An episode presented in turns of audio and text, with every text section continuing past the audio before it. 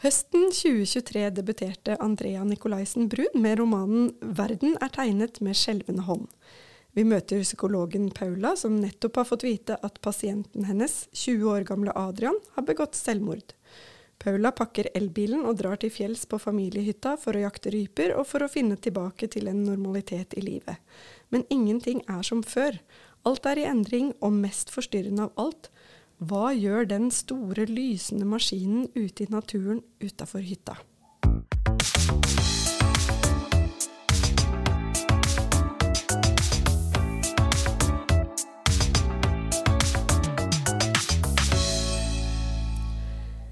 Velkommen til en ny episode av Et rom med innsikt, en podkast om skolebibliotek. Mitt navn er Ingrid Svenvik Hagen, og jeg jobber som skolebibliotekar og faglig leder for læringssenteret ved Elvebakken videregående skole.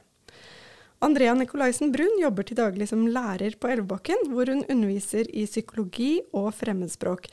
I denne episoden skal vi snakke om litteratur, skriving og om å debutere som forfatter. Velkommen til et rom med innsikt, Andrea. Tusen takk, Ingrid.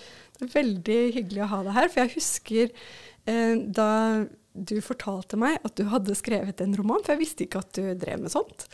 Eh, så befant vi oss i skolebiblioteket, og så sa du jeg, jeg kommer med roman til høsten, Ingrid. Da ble jeg veldig overraska. Ja. Uh, og det morsomme var jo at um, akkurat da så hadde vi laget en utstilling. altså Min kollega Tone hun hadde laget en utstilling om hyttetur i litteraturen. Og boka di foregår jo veldig mye på en hytte på fjellet. Men, um, og jeg visste jo som sagt ikke at du var forfatter, så jeg ble jo veldig veldig imponert. Eh, hvor lenge har du holdt på med skriving? Eh, jeg har brukt tre år på å skrive den boka her. Og så har jeg skrevet uh, målbevisst siden midten av 20-årene, vil jeg si. Um, men jeg har likt veldig godt å ha det litt sånn for meg selv. Um, mm. Og um, har ikke hatt noe sånn voldsom hast med å få noe utgitt. Men så plutselig så følte jeg meg litt sånn klar. Ja. Og da, for en lang historie kort, så skrev jeg ferdig den romanen og, og, sendte den ut. Og fikk den ganske fort antatt, da. Så det var gøy. Ja, det er ikke noe hvilket som helst forlag. Det er jo kommet ut på forlag Oktober, mitt favorittforlag. ja, ja. Og det var veldig hyggelig å kunne dele det med deg, da, som jeg visste kom til å være veldig entusiastisk uansett. ja, ja, ja. ja, det er veldig spennende. Men det er jo litt spennende også som leser når du kjenner forfatteren. Vi skal mm. prøve å holde oss veldig saklige og er veldig nysgjerrig på å høre dine tanker om, om litteraturen og hvordan det er å skrive ved siden av å være lærer. Da. Mm -hmm. mm. Kan du si litt om um, um, Jeg er litt nysgjerrig faktisk på den tittelen. 'Verden er tegnet med skjelvende hånd'. Det syns jeg er en mm. veldig poetisk tittel. Hvordan mm. kom du på den? Uh, jeg husker nesten ikke, men jeg tror det var en uh, Det var liksom var inspirert av noe jeg leste i et dikt. Det må ha vært noe sånt. Det var det, noe med uh, en kvist som var så krokete Altså, jeg, jeg, husker ikke helt hvordan det liksom kom til. Men jeg leser mye dikt òg, da. Sånn at mm. jeg liker godt sånne altså formuleringer av den typen. Um, så jeg tror det kom fra inspirert av eh, et dikt, tror jeg. Mm. Mm. Du leser mye òg, gjør du ikke det? Jeg leser mye. Mm. mm. Har du noen litterære forbilder? Uh, jeg tror at jeg har mer sånn enkeltverk som har betydd mye, enn uh, konkrete litterære forbilder.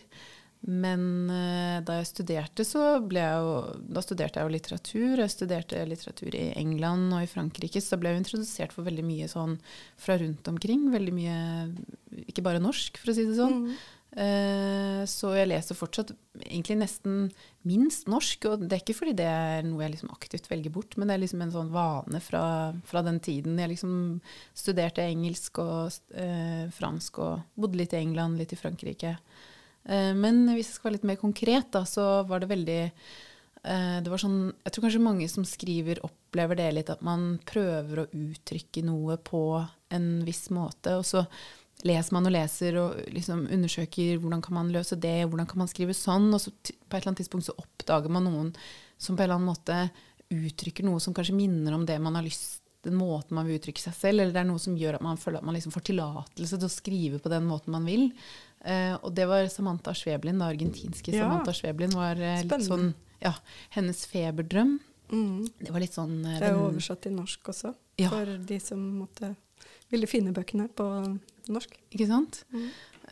Så den romanen der, og novellene hennes, det, det betydde mye å lese det. Um, og foruten ja, altså, Egentlig så har jeg sånn dragning mot veldig mye sånn søramerikansk litteratur. Mye sånn um, Ja, litt sånn magisk realisme, men kanskje like mye sånn uh, Ikke sant Borges og um, ja uh, uh, Cortazar. Mm. Ja. Um, og alle, alle typer forfattere som vrir og vender på virkeligheten på måter som er litt sånn urovekkende eller på en annen måte interessante. Da. Det, har, jeg- det liker jeg veldig godt. Selv- Det har du jo klart å gjøre i din egen Ja. bok også, virkelig. Mm. For det er jo ikke mm, eh, Selv om det er veldig mye som er gjenkjennelig, så er det jo bl.a. den her eh, maskinen som står utenfor hytta til Paula, som Mm. er litt eh, som forstyrrende element. Så vi befinner oss inne i et veldig sånn tydelig fiksjonsunivers, selv om det ligner veldig på den verden vi lever i akkurat nå. Mm -hmm. um, vil du fortelle litt mer om det? Om maskinen. Ja, gjerne. Vær Ja, ja. snill, fortell meg Ja. litt om den maskinen. Altså, den er jo, ja, eh, den er jo et science fiction-element, kan Mm. du si. Men jeg føler ikke at jeg har skrevet en science fiction-roman. Nei, det har ikke jeg heller inntrykk av. For det, forholdet til naturen er jo kanskje det aller viktigste. Ikke sant? Du ser jo for deg fjellet og Ja. eh, fjellnaturen. Men så er det denne malplasserte maskinen, da. Mm. Altså, jeg har vært ganske fan av eh, J.G. Ballard, den Ja. eh, britiske forfatteren. Og jeg har jo lest en del science fiction. Ikke så veldig mye, men han har jeg jo lest en del av. Og han, var jo, han snakket jo om at eh, science fiction som utforsker outer space, egentlig handler om inner space. Da. Eh, så jeg er veldig interessert i eh, i akkurat det, da, at eh, science fiction like gjerne utforsker liksom indre rom og menneskets Mm. psykologi. eh, og jeg syns den sjangeren fungerer utrolig godt til akkurat det. Eh, når det er sagt, så ja, i romanen hans 'Crash', da, som jeg faktisk skrev om i masteroppgaven min, så bruker han jo bilen som et veldig sånn eh, potent symbol for liksom møtet mellom menneske og teknologi, og på en måte det destruktive da, som egentlig oppstår i den eh, liksom jaget etter eh, teknologi som et slags sånn religiøst fenomen, nesten. Så jeg har fått veldig mye ut av å lese han, blant annet. Eh, og jeg nok Og jeg har også lest Ja, jeg skrev jo om litteratur og teknologiske landskap i masteroppgaven min. Eh, så eh, da utforsket jeg jo veldig mange sider ved liksom menneskets psykologi i møte med litteraturen. Eh, og ja, brukte både Freud og mye annen litteraturteori da, for å belyse det temaet, så klart. Men maskinen for meg handler om jeg synes det, altså det er et symbol, så du kan tolke det i mange, mange retninger. Og det håper jeg liksom at eh, romanen åpner for. Eh, men hvis jeg skal begynne et sted, så handler den jo om eh, Den kan fungere som et symbol på eh, altså vårt begjær etter teknologi, nesten som en slags eh, religion. Og det kan være et symbol på vitenskap. ikke sant? Og Paula, hovedkarakteren, har jo på en måte dyrket eh, psykologien som veldig sånn grunnleggende i hennes virkelighetsforståelse. Eh, og med en gang på en måte det vitenskapelige rammeverket liksom ikke Når det på en måte bryter sammen i det pasienten hennes eh, tar sitt eget liv, så er det akkurat som hennes virkelighetsforståelse går liksom i oppløsning. da. Um, og på en måte, hvem er hun da? Og hvilke ben har hun å stå på da? Hva, hva gjør hun da? Um, jeg tenker jo litt det samme om på en måte teknologien og måten vi forholder oss til den i våre liv i dag. Da. Det skal ikke så mye Mm. til, liksom, før bare litt sånn dårlig wifi, liksom, så kan det jo på en måte ganske, det kan få ganske store konsekvenser. Mm. Uh, så jeg tror at i hvert fall um, for å verne om vår menneskelige natur, så tror jeg at vi må beskytte oss litt fra å på en måte å gi så mye makt til eh, teknologi og kanskje vitenskap, da, på mange måter. For det er ikke svar på alt. Nei. Og det, jeg syns det var veldig interessant når hun kommer opp på hytta der og observerer liksom at det er en stor maskin utenfor hytta, men hun gjør hun, hun kommer på en måte ikke til bunns i hva dette er. Det er bare, hun bare godtar at det er en maskin der. Eh, og det syns jeg var kanskje det, det var noe av det som var mest forstyrrende for meg som leser, da, at hun bare lot seg uh, Eller hun, hun, hun noterte seg på en måte at 'å, jeg må sjekke den der maskina Mm. i morgen'. Uh, og så prøve å ringe til eh, foreldrene og spørre hva den her maskina gjør utafor. Mm. Men det er ikke noe sånn det, det, Jeg tenker at det handler også om hvor lett vi bare godtar at en Mm. del teknologi finnes Mm. i livene våre Mm. plutselig. Uh, og så bare er de der. Mm. Um, og så blir den stående der som et sånn veldig forstyrrende element og blinker og Mm, ikke sant? Den er jo på en Ja. måte den er jo forlokkende, ikke sant? Og det, Ja. veldig mye av teknologien er jo nettopp det. Den er jo liksom laget for å på en måte suge oss inn, og den gjør det mye lettere for oss. å jeg tenker at på en måte den maskinen også blir en slags sånn virkelighetsflukt for uh, Men samtidig får vi får aldri vite helt hva den gjør, eller om Hun Nei. prøver liksom ikke å ødelegge den eller Nei. trekke ut kontakta. Det er kanskje ikke noen kontakt engang, liksom. Men Nei, du skjønner hva jeg mener. Altså, Ja, ja. Hun fors forsøker jo ikke å flytte den, eller Den bare er der. Mm. Uh, ja. Ja, ikke sant. Så det handler litt om den eh, dragningen da mot det som ikke nødvendigvis Altså jeg tenker Hvis hun hadde reist opp dit og den maskinen ikke hadde vært der, kanskje hun hadde hatt en hun hadde kanskje på en eller annen måte gått i litt sånn i oppløsning på samme måte, men hun hadde blitt mer tvunget til å konfrontere mer i seg selv. da. Mm. Eh, for den blir jo som en slags sånn eh, trøst, eh, fluktmulighet. Eh, og hun får jo nærmest et sånt eh, seksuelt begjær ikke sant, for, eh, for denne Mm. maskinen. Så den tar liksom litt over hennes psykologiske virkelighet på mange måter. Og, og akkurat det er jeg nok ganske interessert i og litt bekymret for. da, Måten vi liksom lar teknologien overta vår psykologiske virkelighet og litt sånn kolonisere den på en måte.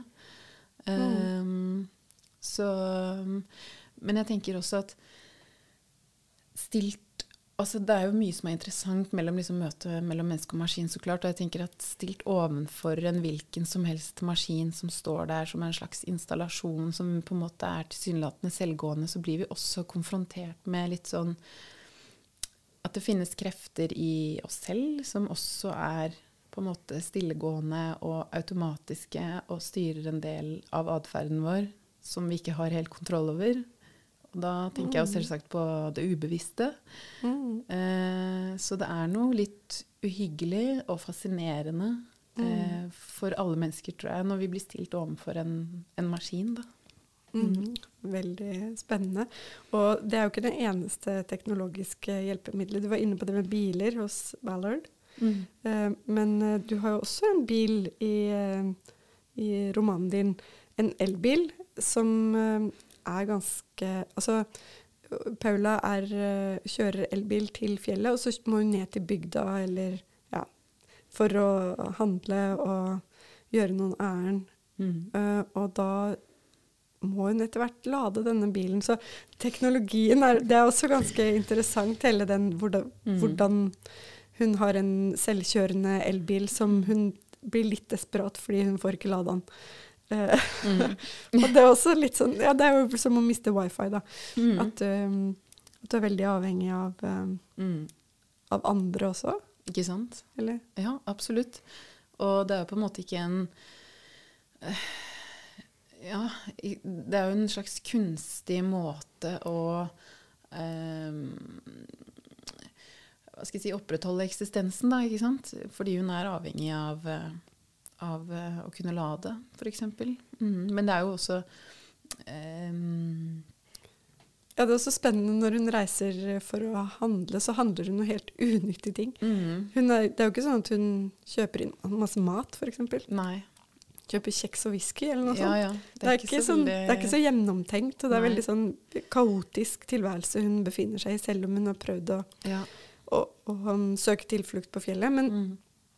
eh, Paula har vært jeger, um, og det kunne jo være en måte å drive selvberging på hytta, hvis du skjønner. ja, ja. Men samt, hun er jo ikke der. Hun Nei, nei. reiser jo Hun klarer jo for det første Mm. ikke å jakte mer etter at Mm. Adrian ble borte. Ja, Er det det som Altså, jeg tenker jo ehm, Unnskyld.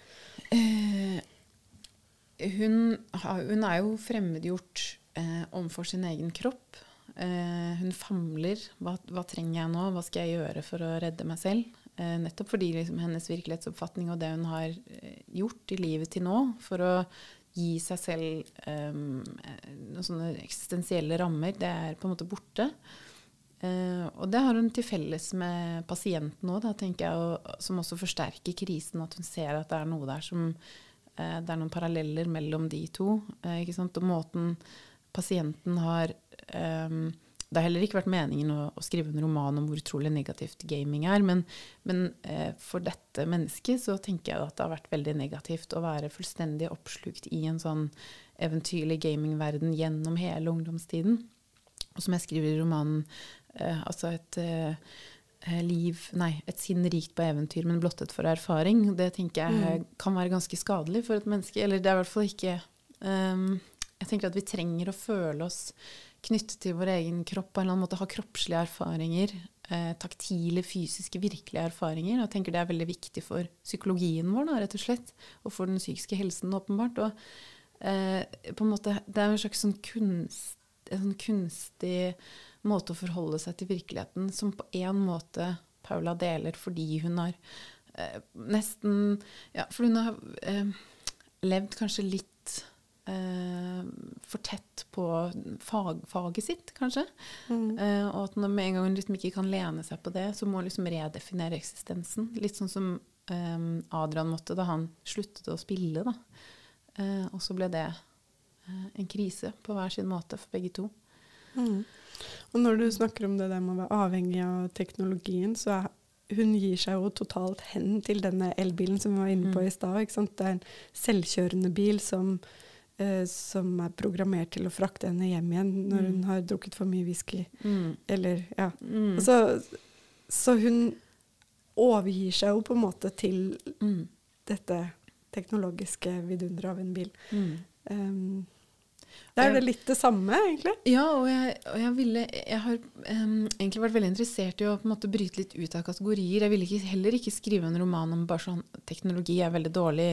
Uh, jeg, jeg, ville det er så mange nyanser i verden og ja, i menneskeliv. Og i, det er så mange muligheter som, som, kommer med ny teknologi. Men det har også så ut voldsomt destruktivt potensial. Og jeg tenker at eh, det den elbilen representerer for henne, er jo en slags sånn trøst, nærmest. En omfavnelse, en eller annen form for trygghet, som hun allikevel ikke helt klarer å, å mm, altså Hun utsetter jo på en måte seg selv egentlig for, den, for det konstante liksom, dårlige batteriet, ikke sant. Mm. Og, og, og som um, Så en sånn ambivalens er kanskje det jeg ville prøve å, å skape. da. Uh, en ambivalens i møte med, med teknologien og som på en måte Ja. Jeg tror at hvis man skal bruke teknologi til noe positivt, så må liksom de gode kreftene være der i utgangspunktet. Og så kan teknologi potensielt være et litt sånn verktøy for å komme dit. Men teknologien i seg selv gjør ikke noen ting bedre. Og det gjør det mm. heller ikke for Paula, og ikke for Adrian heller. Det er jo flere mm, karakterer i denne boka som vi må komme inn på. Blant annet uh, Ada, som bor på nabohytta. Mm. Kan du fortelle litt om henne? Uh, ja, altså um, Da jeg begynte å skrive den karakteren, så var det en mann. Og så tok jeg meg selv i det og tenkte nei, nei, ikke enda en sånn gubbe alene på en hytte. Veldig uinteressant. Jeg føler at liksom vi må bli litt ferdig med romantiseringen av det der. Mm. Uh, så jeg tenkte her må det komme inn en kvinne. Og da um, følte jeg at hun måtte være et slags motstykke til, uh, til Paula, og litt mer robust type. Så hun er jo men hun er også en sånn enstøing som har mm. flykta fra sorg opp på hytta si. Absolutt. Så de har jo en del til felles. Mm. Jeg tenker Både Ada og Adrian og eh, Paula, alle de tre, har ganske mye til felles, mm. egentlig. Um, men uh, ja, absolutt. Um, og så har hun en oransje katt. Ja, ikke sant. Hvem er, hvem er den katten sin? Hvor kommer den egentlig fra? Og det handler litt om eh, Eller eh, det, for meg var det en del av den utforskningen mellom eh, samfunn og natur, og på en måte mennesket som et litt sånn forstyrrende element. element. Altså, det er jo ikke noe tvil om Mm. at det er noen mennesker som har sørget for at den katten har havnet der. Nei, det er faktisk veldig Mm. forstyrrende i den der fjell... Ikke sant? Ikke sant? Men jeg føler at det er litt sånn For meg er det på en måte bare sånn verden ser ut nå. Ikke sant? Det er litt sånn Ja. eh, Det er altfor mange måker på feil sted. Det er veldig mye rådyr i hagen min der jeg bor. De hører ikke hjemme der. Det er, liksom, det er liksom et tegn For meg er det et, et tegn på at noe er gått galt eh, i naturen. Og at det er vår skyld. Eh, og det, det er apropos den det temaet der, så em, er det også til stede i romanen som dette reinsdyret da, som ligger Ja. oppå der og er åpenbart sykt og liksom omkommet, som dette geviret kommer fra. Da. Så, men så tenker jeg også katten er jo på en måte kanskje et av de få dyrene som vi fortsatt har et litt sånn magisk forhold til i livene våre. ikke sant? Sort katt, katt over veien. ikke sant? I vår veldig sånn rasjonelle vestlige tankegang så kan det fortsatt liksom sette en liten støkk i de fleste. Så jeg tenker at eh, så katten er liksom et interessant dyr i seg selv. Den kan brukes til veldig mye. Mm. Men Ada, da? Ja. Uh, Mm. hun bærer på en sorg. Hun har mista kona si Mm. eh, og har rømt opp til fjells for å være alene der. Mm. En, en speiling av Paula, eller? Uh, kanskje eh, Hun representerer nok mange av de egenskapene som eh, Paula i større grad hadde før denne krisen. Mm. Eh, men at de har vært litt sånn kunstig opprettholdt. At hun har på en måte kanskje nesten smykket seg litt med det. Jeg vet ikke om hun egentlig Kanskje hun egentlig ikke ja, At det ikke passer for henne å jakte i det hele tatt. ikke sant? Og hun har jo denne slekt, denne oldefaren som jaktet, og som hun har et bilde av i gangen. Du får sånn følelse at det nesten er en del av en sånn estetisering. ikke sant? Iscenesettelse av henne selv som en sånn eh, litt sånn røff, eh, selvstendig eh, psykologi eh, Altså psykolog som eh, Ja. Mm. det, Mm. Hele boka åpner jo med at hun eh, forteller at hun er på vei på jakt, men hun er ikke sikker på om hun kommer til å klare å jakte lenger. Ikke sant? Ja. Og det syns jeg også var veldig fint. Uh, Ja, liv og død er en viktig del av Mm. romanen. Og, uh, altså hun føler jo nesten at hun har drept pasienten sin, tror jeg. Ja. Uh, fordi han døde mens hun hadde ansvar for han. Og så kan du sette det i sammenheng med det barndomstraumet. da, ikke sant? Forrige gang hun hadde ansvaret for et liv, det var da hun hadde en katt, og den drepte en haug med fuglunger. Men det er jo litt sånn jeg føler ikke at det er svaret på alt i denne romanen. Eh, og at det liksom er derfor hun, det ble så vanskelig for henne med Adrian og ferdig med det. det, er litt, det er nok, jeg håper at det er litt mer sammensatt enn det, men det, eh, det er nok noe fra barndommen som, som, kommer, som blir veldig virkelig for henne på en måte etter hvert. Du skal få lov til å lese et uh, utdrag, Andrea. Du har tatt med et utdrag som du har fått bestemme selv, uh, som du liker uh, godt med boka di. Vil du bare lese det, så kan vi Snakke om det etterpå. Ok, jeg kan jo forklare konteksten her, da. Det nede i bygda, eh, som er et lite stykke unna hytta til Paula, som ligger oppe på høyfjellet, der eh, treffer hun på en gammel krok som driver og leier ut eh, parkeringsplasser på eiendommen sin. Han bor på den gamle prestegården nede i bygda. Eh, og på et tidspunkt så kommer hun inn eh, hjemme hos han. Skal jeg lese kort noe av det som skjer da.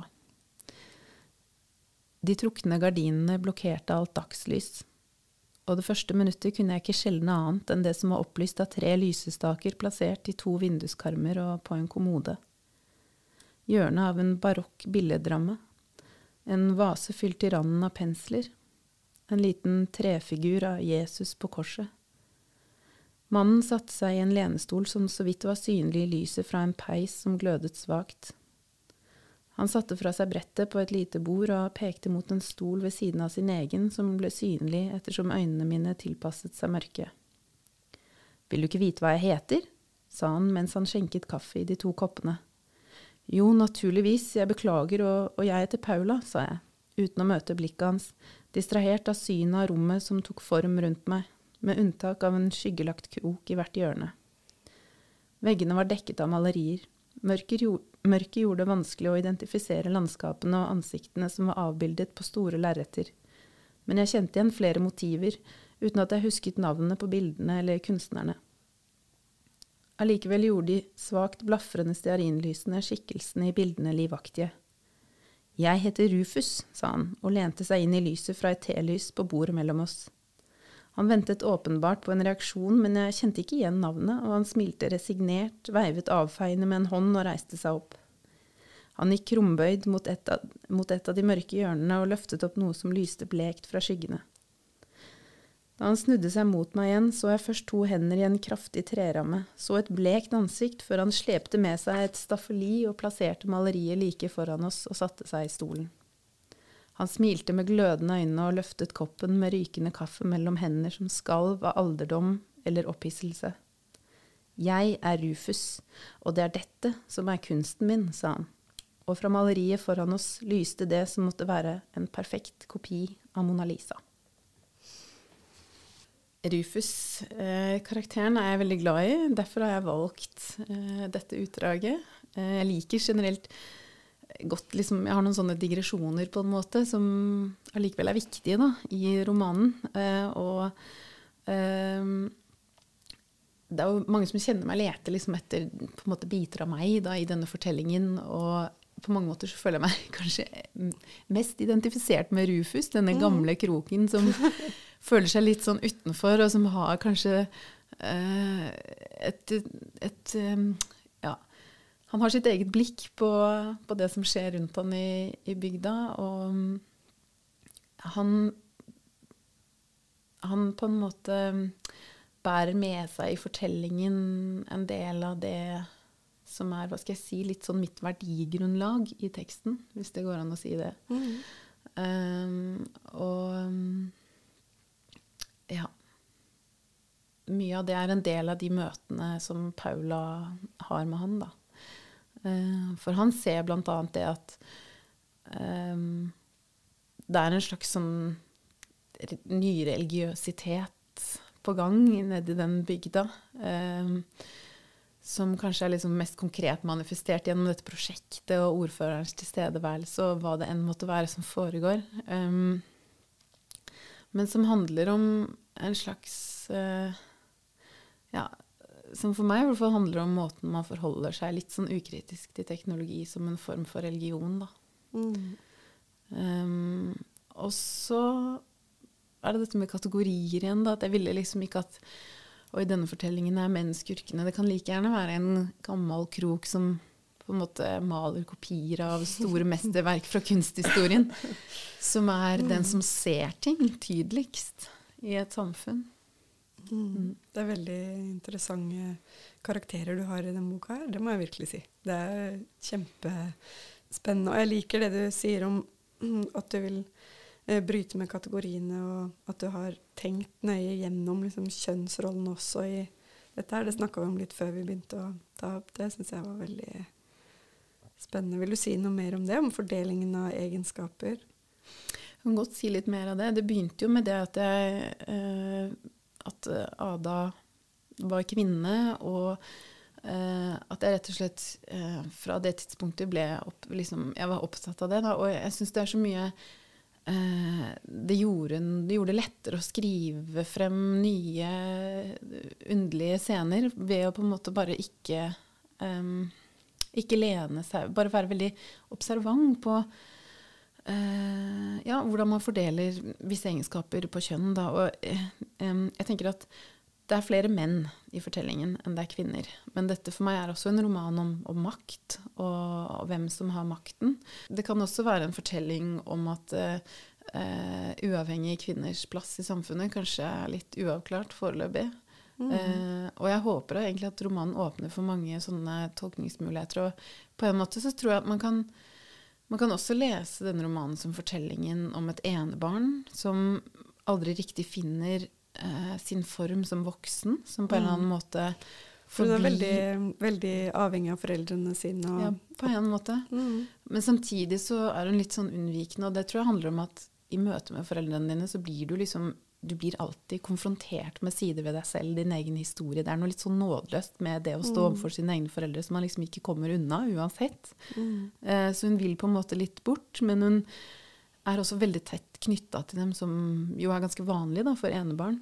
Um, men strever litt med det å komme ut av den rollen som barn og inn i en slags sånn eh, ferdig voksenform på en måte. Og kanskje dermed eh, streve litt med om hun vil knytte seg til andre, og på hvilken måte hun vil det. Vil hun ha barn? Vil hun ikke ha barn? Har hun For jeg har også tenkt at kanskje dette også handler om hennes skyldfølelse overfor kanskje det å ikke ønske å få barn. Um, Og at det er på en eller annen måte, når du er kvinne og kanskje kjenner på et slags ansvar for å føde barn, så kan du nesten få en slags sånn eh, følelse at du ikke bidrar til livets gang, liksom. eh, i, I verden, på en måte. Uh, nå har ikke jeg opplevd det selv, så jeg skal ikke uttale meg for, liksom, for mye om det, men jeg kan på en måte se det litt for meg. at det er en slags forventning der, og at det krever litt ekstra for en kvinne å velge det bort. Eh, og at hun, hvis, at hun da kanskje blir ekstra sårbar for dette med pasienten. ikke sant? Et liv hun hadde ansvar for, som også ja, forsvant. Eh, og mot slutten av romanen så er det jo Hun har med seg denne diktboka som hun ikke klarer å liksom ta til seg. Hun klarer jo på en måte ikke å det er mye hun ikke klarer å ta til seg, som kanskje hadde vært bra for henne. på en måte. Ja. Og, men hun får med seg liksom en strofe mot slutten der. Jeg tror det er noe sånn som eh, barna kommer inn gjennom sprekker i veggene, eller noe sånt. Og det syns jeg passet godt med den tematikken der. Da. Den følelsen av at liksom, dette hun har fortrengt, eh, dette liksom Kanskje, kanskje ønsket, eller kanskje bare forvent, innbilte forventningen om at hun skal formere seg for barn. Um, at det liksom at det er en stor del av henne på en måte også, at det kommer frem da mot, mot, slutten, mot slutten her. Som jeg også på en måte tenker er et positivt tegn. Fordi jeg tror ikke nødvendigvis at det går dårlig til slutt. Tusen takk for at du ville være med i podkasten, Andrea. Det var veldig hyggelig å snakke med deg, og jeg håper at kjempemange lesere finner veien til boka di. Vi har snakket om eh, 'Verden er tegnet med skjelven hånd' av eh, Andrea Nikolaisen Brun. Takk for at dere hørte på, og tusen takk for at du var med, Andrea. Tusen takk, Ingrid.